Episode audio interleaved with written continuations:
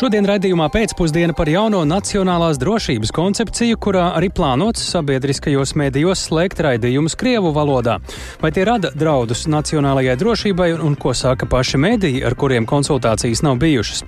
Zaļo un zemnieku savienība vairs neuzstāj uz PVN samazināšanu pārtikai, sakot, ka tas ļauj nopelnīt arī produktu importētājiem. Vai zemnieki domā tāpat kā jaunais ministrs? Celt nekustamā īpašuma nodokļa likmi nolēmts Rēzeknes domas ārkārtas sēdē. Par to visu plašāk raidījumā pēcpusdienā kopā ar mani Tāli Eipuru.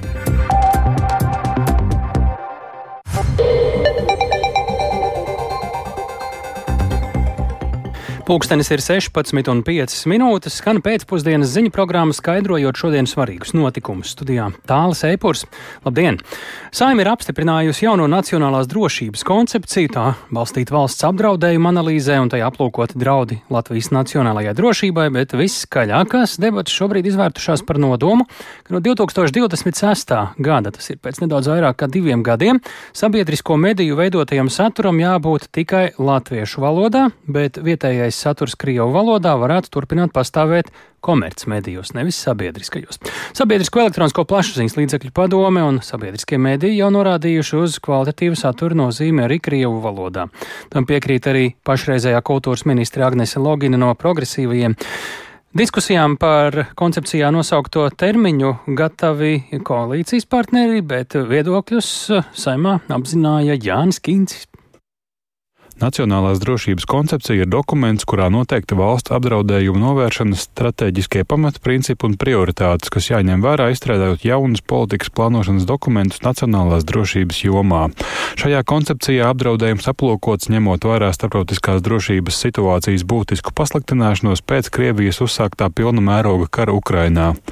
Viena no sadaļām koncepcijā ir par mēdīju darbu. Diskusija krustugunīs nonācis punkts par sabiedrisko mēdīju saturu no 2026. gada gada tikai latviešu valodā, krievu valodu atstājot tikai komercmedijos. Šī iecerē tapusi iepriekšējās valdības laikā, kad par mediju politiku atbildīgo kultūras ministriju vadīja Nauris Puntuls no Nacionālās apvienības. Viņa pēcnācēja amatā kultūras ministra Agnes Logina no progresīviem intervijā Latvijas radio šo ideju vērtē kritiski. Mēs redzam, ka šeit ir vajadzīga garāka diskusija un noteikti garāks termiņš. Šobrīd tas 28. gads ir um, ārkārtīgi sasteigts, un to mēs patiesībā varam uztvert kā tādu atvadu dāvanu no Nacionālas apvienības. Pret šo koncepcijas plānu punktu iebilst sabiedrisko mediju vadība, kā arī sabiedrisko elektronisko plašsaziņas līdzekļu padome. Sabiedriskie mediji arī Krievu valodā nodrošina uzticamu informāciju. Virzot koncepcijā iekļauto redzējumu, valsts pati netieši veicinātu nelegālā satura patēriņu Krievijas propagandas kanālos. Savukārt Nacionālās apvienības deputāte bijusi aizsardzības ministra Ināra Mūrniece šo koncepcijas punktu vērtē šādi. Ja koncepcijā gan iepriekšējā valdība, gan esošā valdība ir apstiprinājusi 2028. gadu, tad mēs redzam, ka tā ir tomēr virzība uz priekšu un kaut kāds solis, kaut kāds progress arī šajā ziņā. Un atšķirība jau nav tikai valodas ziņā. Katrā mēdīju telpā tiek atspoguļoti dažādi notikumi, dažādi tiek vērtēti vieni un tie paši notikumi. Valdošās koalīcijas partneri no jaunās vienotības un Zaļo un zemnieku savienības gluži vienbalsīgi runā, ka valsts valodas loma medijos ir jāstiprina. Taču pašlaik diskusija par krievu valodas iespējamu izstumšanu no sabiedriskiem medijiem ir sasteigta. Turpina deputāti Edmunds Jurēvits un Augusts Brigmanis. Jo es domāju, īstais brīdis, kad pilnībā pāriet uz šo pilnīgo valsts valodas lomu, būs tad, kad mums būs beidzot būs noslēgusies pārējai uz valsts valodu skolās. Informatīvai telpai Latvijā jānotiek latviešu valodā, bet vienalga šī lielā izšķiršanās, manuprāt, būs par šo konkrēto jautājumu, par valodu, par datumu, 26. gadu, konceptuāli izvēle jā vai nē. Tā varētu būt arī e, saruna objekts gan saimnes komisijās, gan sēdē. Nacionālās drošības koncepciju balsojumu akceptēja saimas absolūtais vairākums. Pret balsoja stabilitātē frakcija, bet nebalsoja deputāti no Latvijas pirmajā vietā. Jānis Kincis, Latvijas radio. Turpinot par šo tēmu, Latvijas radio vērsās pie, pēc viedokļa pie valsts prezidenta, viņa nacionālās drošības padomniekam Aivaram Puriņam vaicājām, kā plāns no 2028. gada 1. janvāra sabiedriskajos medijos, ja tad vairs nebūtu vietējā satura Krievu valodā, atbilst Latvijas informatīvās telpas drošībai. Kā jau zināms, un arī ziņās, man liekas, ir daudzkārt atkārtots, arī vakardien Nacionālā drošības padome izskatīja šo koncepcijas projektu. Kā jau teiksim, apliecina gan tas valdības lēmums, gan eh, šodienas saimnes lēmums. Tā ir eh, valdības un saimnes politiskā izšķiršanās, eh, stiprināt šo informatīvo telpu, balstoties tieši uz latviešu valodas lietojuma bāzes. Tas ir principiāls un teiksim, konceptuāls lēmums. Tālāk jau tie soļi, kā teiksim, šo mērķi sasniegt, kurš ir šobrīd nodefinēts kā konkrēts mērķis, ir Nacionālā drošības plāna un, un mediju politikas tālākais darba uzdevums tad piedāvāt tos konkrētos risinājumus, mehānismus, kā tad šis mērķis varētu tikt sasniegts, kas ir šobrīd uh, gan valdības, gan saimnes līmenī nu, nodefinēts un piestiprināts. Kā tad tiks pirmkārt uzrunāta tā sabiedrības daļa, kas pamatā lieto krievu valodas informācijas avots, un, un tad tālāk jau kā viņi var tikt, tad kā šeit rakstīts arī koncepcijā, iesaistīti šajā vienotajā informatīvajā telpā Latvijā. Man liekas, ka mums jābūt konsekventiem un arī pēctecīgiem savā savām, eh, saviem lēmumiem. Ir, ir dokuments, kurā ir uh, visos uh, valsts pārvaldes politiskās vadības līmeņos ir nodefinēts mērķis un, un, un, un arī iezīmēts laika rāmis. Tas ir A, un, un B tad ir tie praktiskā darbība un rīcība, kā tas var tikt sasniegts. Tā praktiskā rīcība jau nav, nav uzsvars, ka kaut ko slēgs. Man liekas, tā praktiskā rīcība ir līdz tam tieši svarīgāka, kas tad tiks darīts līdz tam 1. janvārim, lai šis mērķis šī politiskā izšķiršanās, kas ir šobrīd bijis izdarīta, tiks sasniegts. Pēc būtības eh, no prezidenta puses un kancelejas puses mēs nedzirdam ne šādam mērķim. 28. Eh, gada 1. janvāris jautājums ir, kā tas tiek ieviests. Es varu vēlreiz atkārtot droši vien, ka tā ir bijusi skaidri, nepārprotama valdības un nu, jau saimas politiskā izšķiršanās, kas ir eh, nu, apstiprināta ar šiem balsojumiem un lēmumiem. Un tātad izvirzot šādu mērķi mērķu uzdevumu koncepcijā, tālākais ir pie tā mērķa sasniegšanas, ieviešanas. Tā valsts prezidenta padomnieks nacionālās drošības jautājumos Aivars Pūriņš sarunā ar Latvijas radio komentējot plānu no 2028. gada sabiedrisko mediju veidotajam saturam būs būt latviešu valodā, bet vietējais saturs Krievu valodā varētu turpināt pastāvēt komerc medijos. Turpinām raidījumu pēcpusdienā, lai gan vēl Būdama opozīcijā Zaļo un Zemnieku savienība pērn divas reizes saimā rosināja samazināt pievienotās vērtības nodokli vairākiem pārtiks produktiem, tagad, nonākot valdībā, ZZS šī gada budžetā vairs šo priekšlikumu neuztur. Tas secināms pēc zemkopības ministra Armanda Krauzes no ZZS teiktā šorīt kolēģiem Laurim Zvejniekam un Kristapam Feldmanim. Ministrs pieļauj, ka pie PVN samazināšanas pārtikai varētu atgriezties nākotnē, bet tieši kad? Nekonkretizē. Vairāk par to sarunas fragmentā. Šogad rudenī beigsies samazinātā PVN likuma augļiem un dārzeņiem, jo mērķis šai likumai bija, tur bija vairāk mērķu. Viens no mērķiem palīdzēt vietējiem ražotājiem, tad samazināt cenas un izskaust ēnu ekonomiku. Cenas nesamazinājās, vietējiem ražotājiem ir Tas pat deva ļoti labu efektu, un arī ēna ekonomika ir izskausta. Bet tā kā šis termiņš divas reizes tika pagarināts un viņš ir terminēts, tad, tad nu, šī gada vasarā iepriekšējā valdība faktiski nepieņēma lēmumu, ka turpināt. Un nākošā gada budžetā jau ir ieplānota pilnā likme. Tas, kas man liekas, kas ir ļoti būtiski, ka mēs, lai palīdzēt mūsu augļu un dārziņu ražotājiem celt konkurētspēju. Tagad sarunās par nākamā gada budžetu ir atvēlējuši 3 miljonus eiro tieši investīcijām, investīcijām konkurētspējas celšanai un uh, eksporta spējas veicināšanai. Tas ir papildus jau esošai naudai, kas ir pieejama tieši mērķēts atbalsts, ņemot vērā, ka izbeidzās šī PVN likme. Bet tad jūs rosināsiet noteikti šo samazināto PVN nulle, teiksim? Tā ir diskusija, par ko mēs diskutēsim un rosināsim. Jūs rosināsiet šo diskusiju, jūs uzstāsiet uz šo jautājumu? Mēs, mēs par to esam runājuši visu laiku. Mēs rosinām, un, un, un mēs arī gan attiecībā uz augļiem, dārzeņiem, gan citām lietām. Tas būs kopīgs kolēģiāls lēmums. Ja mums izdosies pārliecināt kolēģis, tad uh, būs tāda likuma arī kādam citam produktam. Ja neizdosies, tad nebūs. Bet tad iedzīvotāji apmēram kad var gaidīt šādu rosinājumu no jums? Kad sāksies diskusijas koalīcijā? Jā. Šī gada budžetā noteikti nē, tāpēc, ka jūs zināt, ka jau sen budžetam bija jāiet uz priekšu, un dēļ valdības vainas viss ir aizkavējies. Mums ir ļoti svarīgi jautājumi, kas ir saistīti iedzīvotājiem kaut vai ar elektroenerģijas tarifiem un daudzām citām lietām, kas ir jārisina, kas ir nemazāk svarīgi, starp citu. Ja? Un viena būtiska lieta, kas mums ir jāvērtē turpmāk, runājot par samazinātām PVN likmēm, vai mēs ar šādu likumu nepalīdzam importu produkcijai un attiecībā uz augļiem un dārzeņiem milzīgi kāpumi ir piedzīvojusi importu importu produkciju. Faktiski mēs samazinot likmi, esam veicinājuši arī importu produkcijas patēriņu Latvijā. Un tāds nav mūsu mērķis, un mūsu mērķis ir palīdzēt vietējiem. Tas ir jāvērtē. Ja arī pārējiem produktiem rādīsies, ka ka ja importa produkcija pieaugs un tās patēriņš pieaugs, samazinot likumu, tad es domāju, ka šāda samazinātā likuma nav loģiska. Mēs negribam palīdzēt importam. Tik tālu zemkopības ministrs Armāns Krause par samazinātajām PVN likmēm pārtikai. Šobrīd pie mūsu klausulas ir zemnieku saimnes pārstāve Vedīta Strāzdiņa. Labdien! Labdien! Kā jums izskatās, vai šobrīd PVN samazināšana varētu mazināt pārtikas cenas, vai arī tas varētu izvērsties par atbalstu tirgotājiem, audzētājiem, ražotājiem un pircējiem tas maz ko mainītu? Kā jūs skatāties attiecībā uz PVN samazināšanu pārtikai?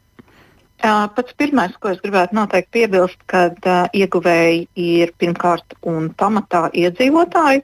Uh, tādēļ, ka tas palīdz stabilizēt šīs cenas, un noteikti arī tirgotāji, gan vairumtirgotāju asociācija, gan arī tirgotāju asociācijas jau šobrīd ir pieslēgušās, ka pilnīgi noteikti uz PVN rēķina cenas netiks palielinātas. Uh, un uh, arī, ja mēs skatāmies tīri par šiem atbalstiem, varbūt lauksaimniekiem, zemniekiem, tad uh, praktiski PVN uh, samazinātais ir ļoti labs instruments, lai uh, nozari kā tādu izvilktu no pelēkās ekonomikas ārā.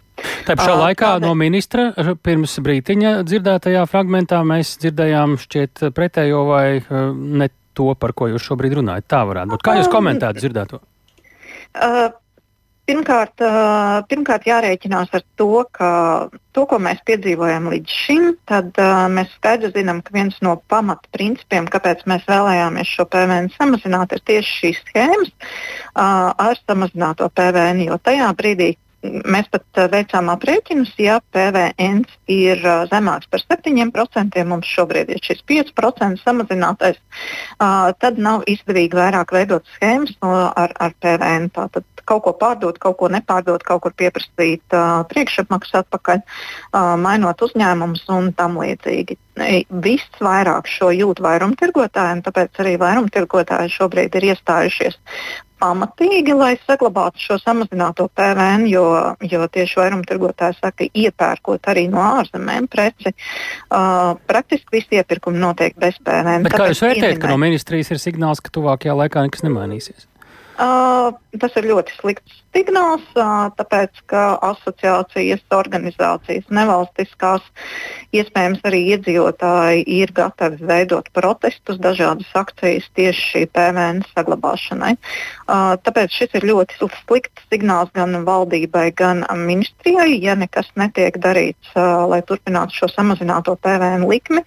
Jo ir noraidītas idejas gan par, gan par ēdinātājiem, gan par pārējiem produktiem, kas bija domāts gan gaļa, gan piens, gan maize.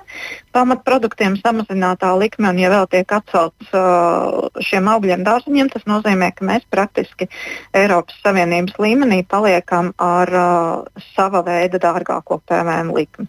Šobrīd, Mūsu kā jūs redzat, kāda, ko jūs varētu teikt pircējiem, kāda ir situācija pārskatāmā nākotnē, kas varētu notikt ar pārtikas cenām, droši vien ņemot vērā šī brīža nodokļu likmes?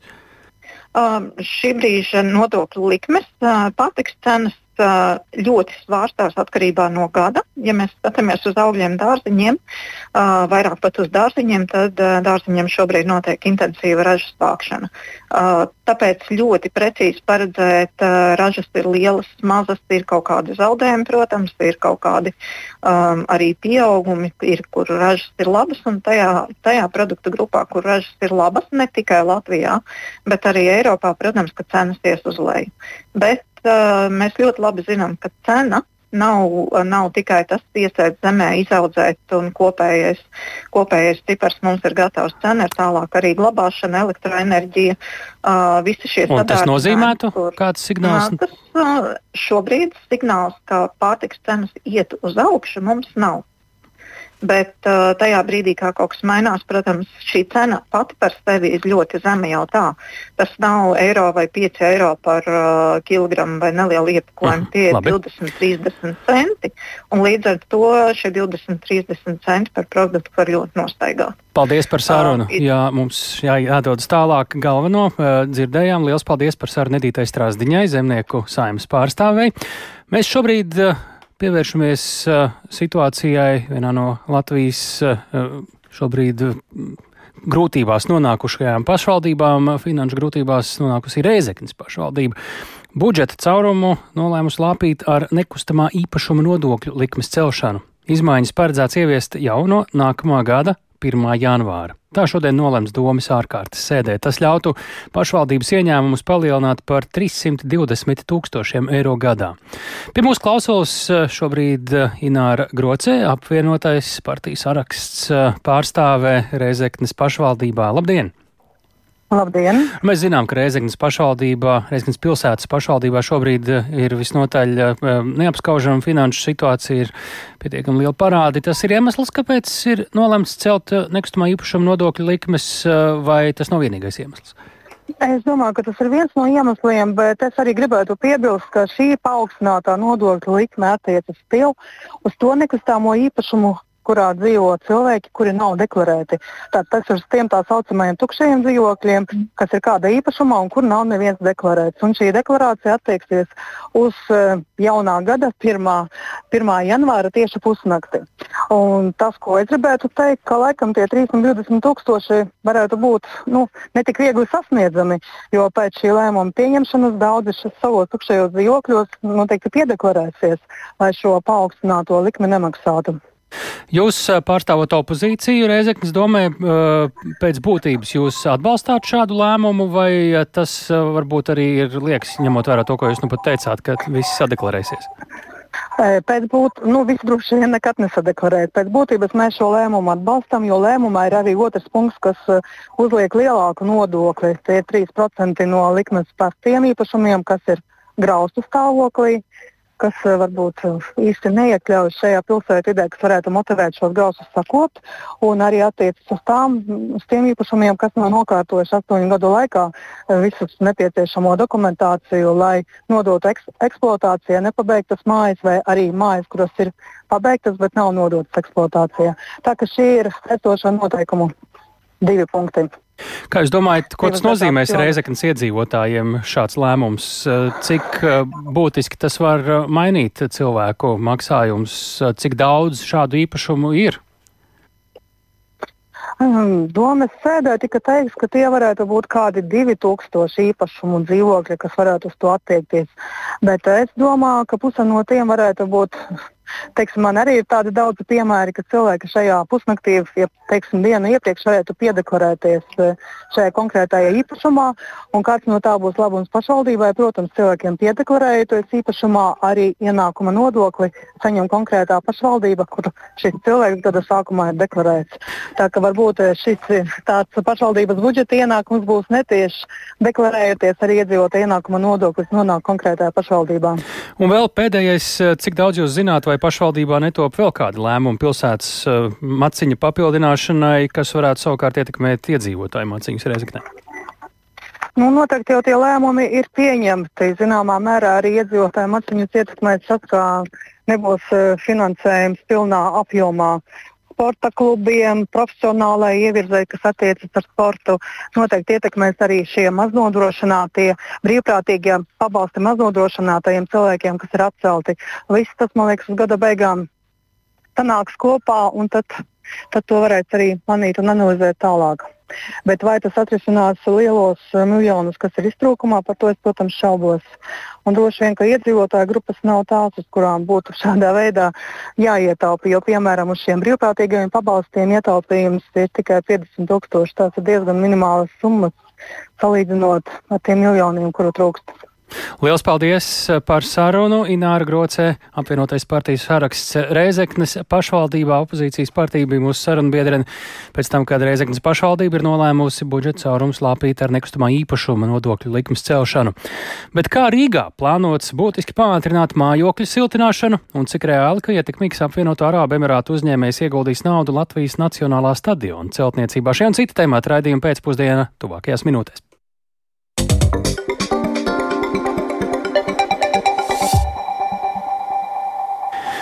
Migrācija ir atgriezusies Eiropas Savienības politiķu augstākajā dienas kārtībā. Bloka 27 valstu iekšlietu ministri šodien Briselē mēģina vienoties par kopīgu pozīciju jautājumā par reaģēšanu uz migrācijas krīzes situācijām. Migrantu pieplūdums Itālijas Lampedūzas salā, kā arī daudzās Rietuma Eiropas valstīs, rada spiedienu rast kopsaucēju. Ministru sanāksmes norises vietā pašlaik atrodas arī mūsu Briseles korespondents Artjoms Konohovs. Ar viņu esam sazinājušies tiešraidē. Sveiks, Artjom! Cik tad lielas izredzes tavuprāt šodien būtu panākt vienošanos un spērt kādu nākamo reālo soli migrācijas reformas pieņemšanai? Labdien, tālu, labdien, klausītāji! Vēl vakar šķita, ka šodien būs tikai diskusija un ne par kādu kopsaucēju runāt mēs nevaram. Bet tomēr vakar vakarā diezgan vēlu Vācija ir mainījusi savu nostāju un viņiem, kā zināms, parasti ir diezgan sarežģītas koalīcijas sarunas, bet tomēr šeit Vācijas kanclers Olafs Šolts ir pieņēmis lēmumu un sacījis, ka Vācija neiebildīs pret panākto kompromisu. Un līdz ar to tik tiešām izskatās, ka šodien arī šīs kompromiss varētu tikt tikt rasts. Tas, protams, ir tikai jautājums par kopīgo dalību valstu nostāju, bet tas ir būtisks solis, lai varētu sarunas turpināties ar Eiropas parlamentu par jau arī vairākiem citiem. Jo šeit jāsaka, ka tajā migrācijas un patvēruma reformas pakotnē kopumā ir desmit dažādi likumprojekti, un viņi ir atsevišķās, atšķirīgās, teiksim tā, progresa stāvoklī, un kāds ir pavirzījies vairāk uz priekšu, kāds ir mazāk. Bet paklausīsimies Klausīsimies, eh, ko šodien eh, pirms eh, iekšlietu ministru sanāksmes ir sacījis Eiropas komisijas priekšsēdētājs vietnieks Eiropas dzīvesveida popularizēšanā Margaritis Hins.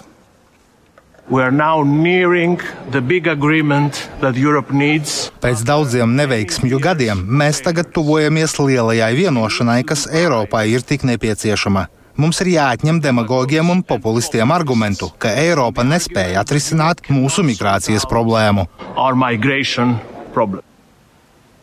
Un šis eh, viņa minētais arguments ir arī ārkārtīgi būtisks. Par to runā arī, pieņemsim, Tautas partijas vadītājs, Eiropas Tautas partijas vadītājs Manfreds Vēbers, sakot, ka ir ārkārtīgi svarīgi, ka valstis spēja atrisināt migrācijas jautājumu, spēja atrast kopīgu pieeju pirms nākamgad gaidāmajām Eiropas parlamenta vēlēšanām. Citādi tiešām uh, populisti, eiroskeptiķi varētu pārņemt šo jautājumu savā dienas kārtībā. Tāli.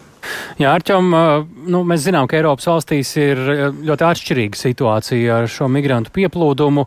Kā tu raksturot, kāda situācija pašlaik ar to ir Rietuma Eiropā un kā uz to visu raugās Austrum Eiropas valstis?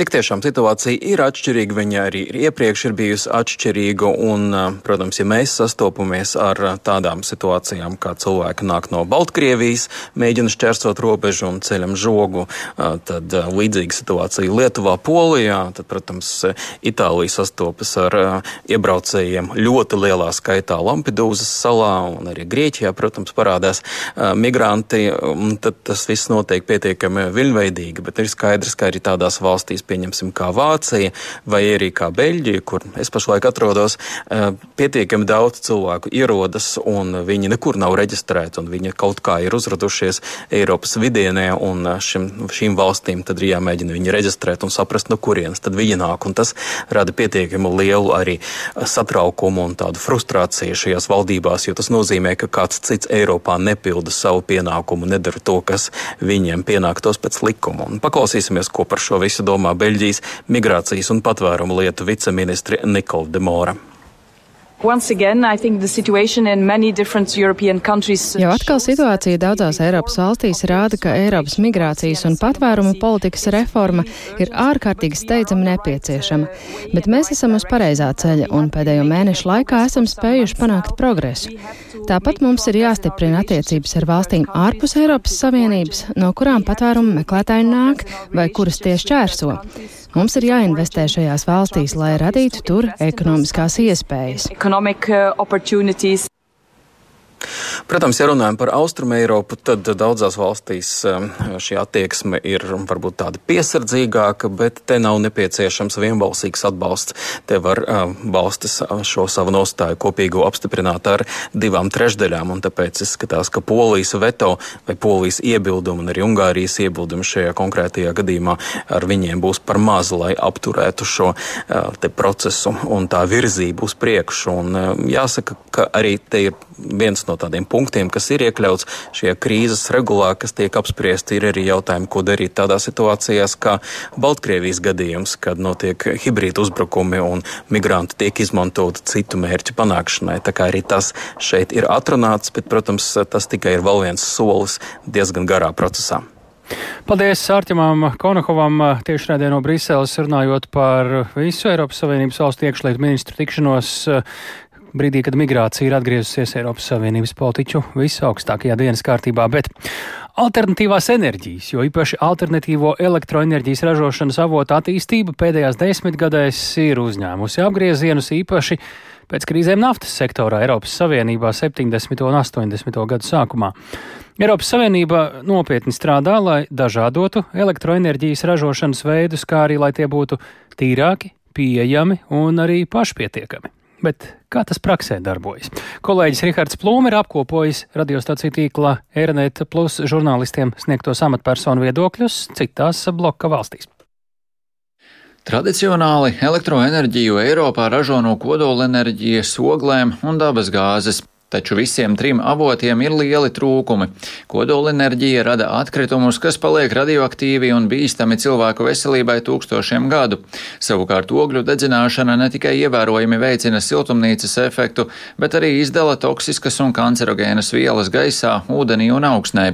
Bet attiecībā uz gāzi, izņemot to, ka tā ir arī ogļūdeņradis, galvenās bažas mūsdienās rada Eiropas Savienības lielā atkarība no importa no Krievijas.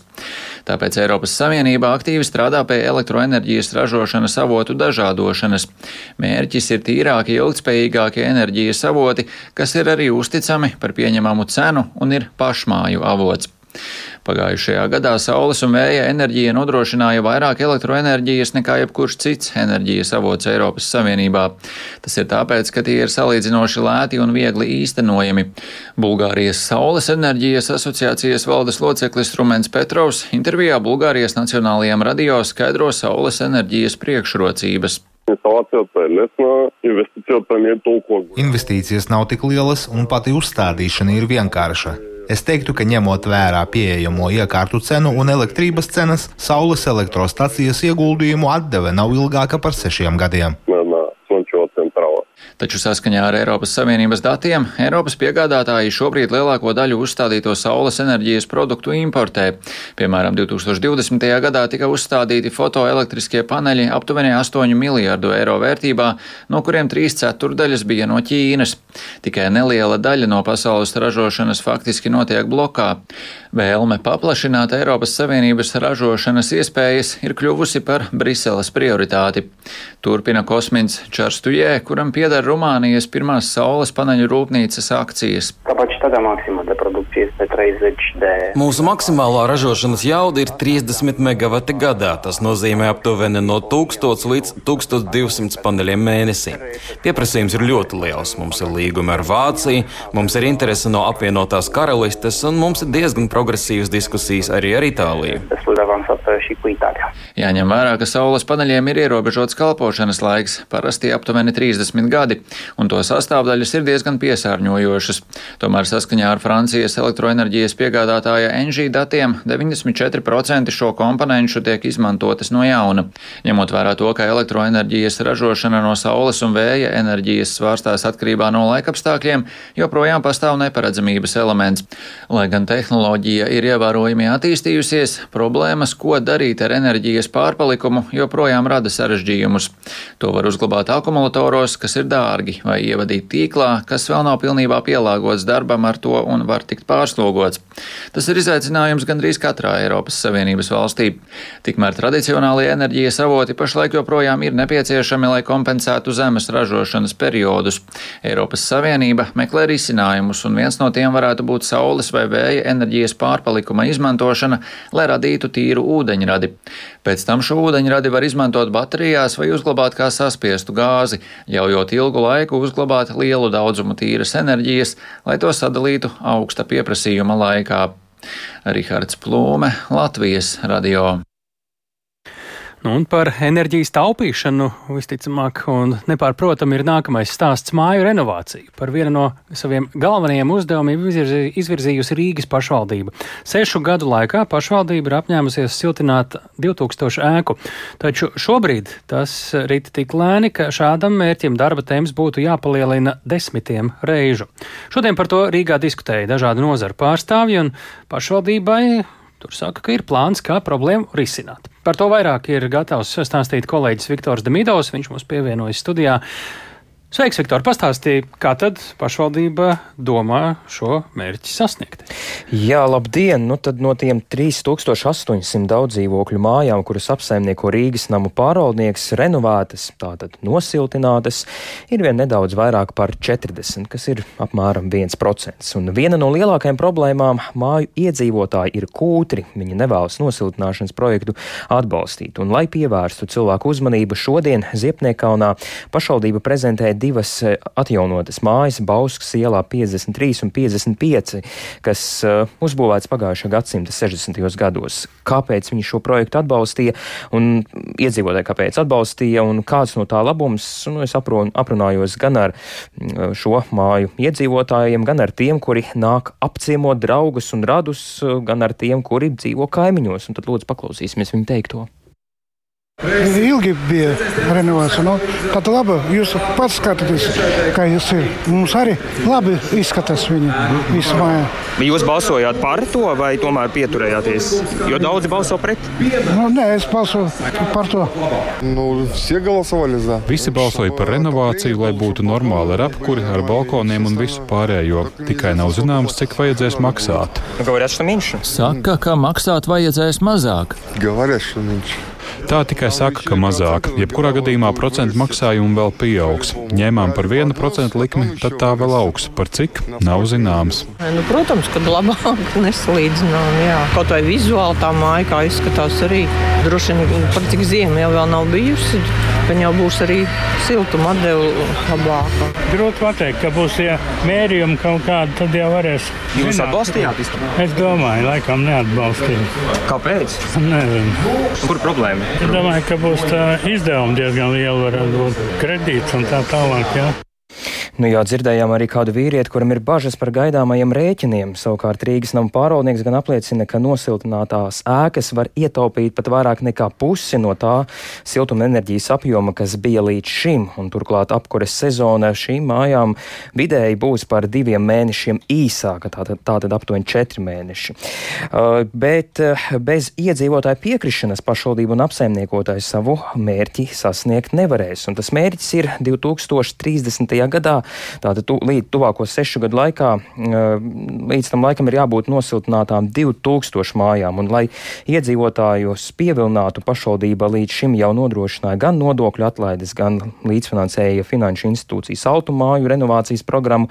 Nu, taču, tā, kā teica uzņēmuma vadības pārstāvis, iedzīvotāji nevienmēr ir gatavi ieguldīt savu naudu un kur nu vēl aizņemties. Un, lai iedzīvotājs motivētu, Rīgas nama pārvaldnieks arī apsver stingrus un sava veida sodus gadus. Nu, piemēram, varbūt māju nevarēs eksploatēt, varbūt tā būs, nu, varbūt arī ievērojami palielinās īpašuma nodokli vai kā citādi. Pagaidām tas skaidri nav zināms.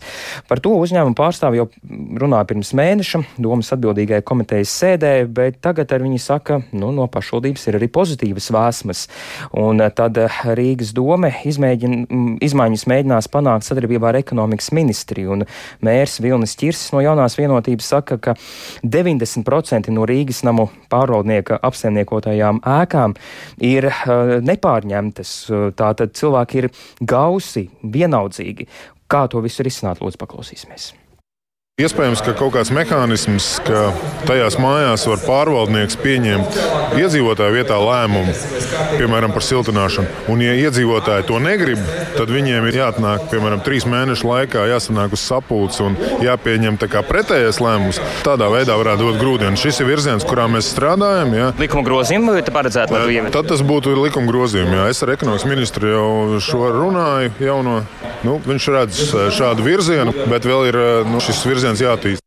Nu, kad šie grozījumi stāsies spēkā, ķirsis nezina, bet bez tiem to mērķi 2000 ēkas nosiltināt vienkārši nevarēs viņa prātā. Tātad bumba ne tikai uh, Rīgas pašvaldības rokās. Paldies uh, Viktoram Demidovam par šo stāstu, bet mēs dodamies pie nākamā. Arī par būvēm, arī par naudu, tikai krietni citā leņķī. Latvijas Futbola Federācija septembra vidū Rīgā uzņēma apvienoto Arābu Emirātu uzņēmēju Muhamedu Ali Alabaru, lai runātu par iespējamo naudas ieguldīšanu pašmāju Nacionālā stadiona celtniecībā.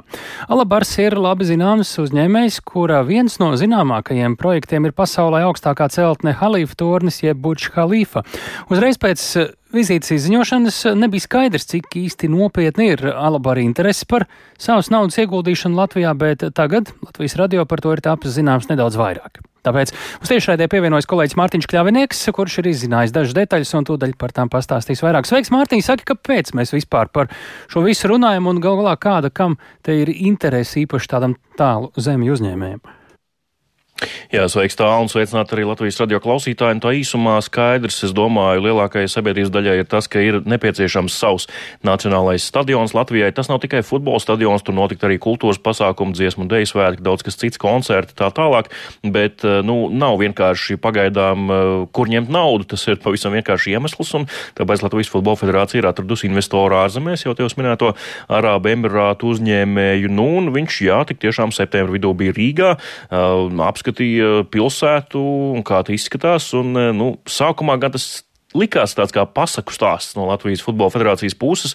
Būšu atklāts varbūt eh, savā personīgajā viedoklī šajā gadījumā, bet tagad jau tas iegūst tādas zināmākas un tādas lielākas aprises, īpaši man parunājoties ar Latvijas Futbola Federāciju. Tāli. Ir jau kaut kas parakstīts, kas pierāda, ka tas tā varētu būt?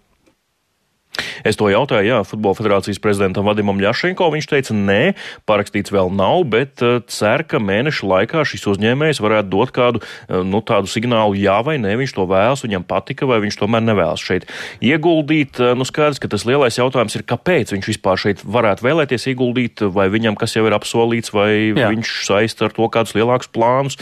Bet vairāk pastāstīs Vadims Ļašenko, Latvijas Futbola federācijas vadītājs pārliecinājumu investoru, ka vajag atbraukt šeit un izpētīt šīs vietas. Es sapratu, ka ir vēl citas idejas, ko šeit darīt, ne tikai stadiona kontekstā, bet arī es sapratu, ka viņi arī interesēti ieguldīt šeit e, citos virzienos. Projekta ietvaros e, tas, ko mēs apspriežam, ne tikai stadionu, bet arī variantu, kur cilvēks var arī uztaisīt varbūt shopping centru vai viesnīcu. Un tāpēc milzīga pieredze tieši būvniecībā viņam ir un noteikti ir vairāk risinājumu, kā uzbūvēt tādu modernu stadionu. Tāpēc puses tā sadarbība varētu būt ļoti veiksmīga. Jā, tālāk Vladimirs Ļašenko, futbola federācijas vadītājs, bet uh, lūk, ko savukārt saka izglītības un zinātnes ministrija. Viņi vēl nav tikušies ar futbola federāciju, bet skaidrs arī saprot, ka stadions ir vajadzīgs. Sporta departamenta direktors Vladimirs Steinbergs. Idejiski tas ir visiem skaidrs, ka stadions ir vajadzīgs. Jautājums, kā parasti, kur naudu ņemt un, un kādam tam stadionam jābūt. Ministrijas puse nav un nebūs, es ceru, tā nekad, kad mēs neatbalstīsim kādu tādu projektu, kas no objektīvi ir, ir vajadzīgs. Jā. Primāri ir jānonāk diskusija ar Futbola federāciju, kāds tas stadions ir vajadzīgs. Mēs nevaram būvēt 30 tūkstošu stadionu, ja tam nav seguma apakšā. Mēs, mēs nevaram arī būvēt, piemēram, 3000 stadionu, ja minimālās prasības ir 5000 sēdvietas. Tāpēc primāri jānonāk nu, pie tās diskusijas, kuras, manuprāt, līdz šim nav, nav bijis, lai visas puses apzinās, kāds tas stadions un, un ir kaut kāds izvērtējums vai analīze, kāds tas stadions valstī ir vajadzīgs. Jā, tālāk Vladimirs Steinbergs no izglītības ministrijas stāli. Jā, nu, Mārtiņ, par kurām vietām tad uh, ar Alabaru tika runāts, kuras viņam rādīja kā potenciālās stadiona būvēšanas vietas, un pie viena arī, uh, cik tad liels tas varētu būt, par ko te runa? Atrādīja viņam divus zemes gabalus Lucausalā, vienu Ziepniekalnā un rādīja arī Skonto stadionu, kur varētu pārpirkt un pārbūvēt. Skonto stadions šobrīd maksājot 30 miljonus. Nu, par to vēl jāšaubās, vai tas tiešām notiks. Nu, un, stadions Futbola federācija grib vismaz 15 tūkstošu vietu ietilpību. Tas ir minimums, bet vairāk sliektos uz 20 tūkstošiem sēdvietu. Paldies Mārtiņam Gļaviniekam. Mēs atvadāmies šī, no šī raidījuma pēcpusdiena. Tāls Eipurs, Aiga Velane, Uldis Grīmbergs un arī Katrīna Bramberga bija tā veidotāji. Klausieties šo raidījumu arī Latvijas radio mobilajā lietotnē jums ērtā laikā un vietā un veidā. Mēs sakām līdz rītam. thank you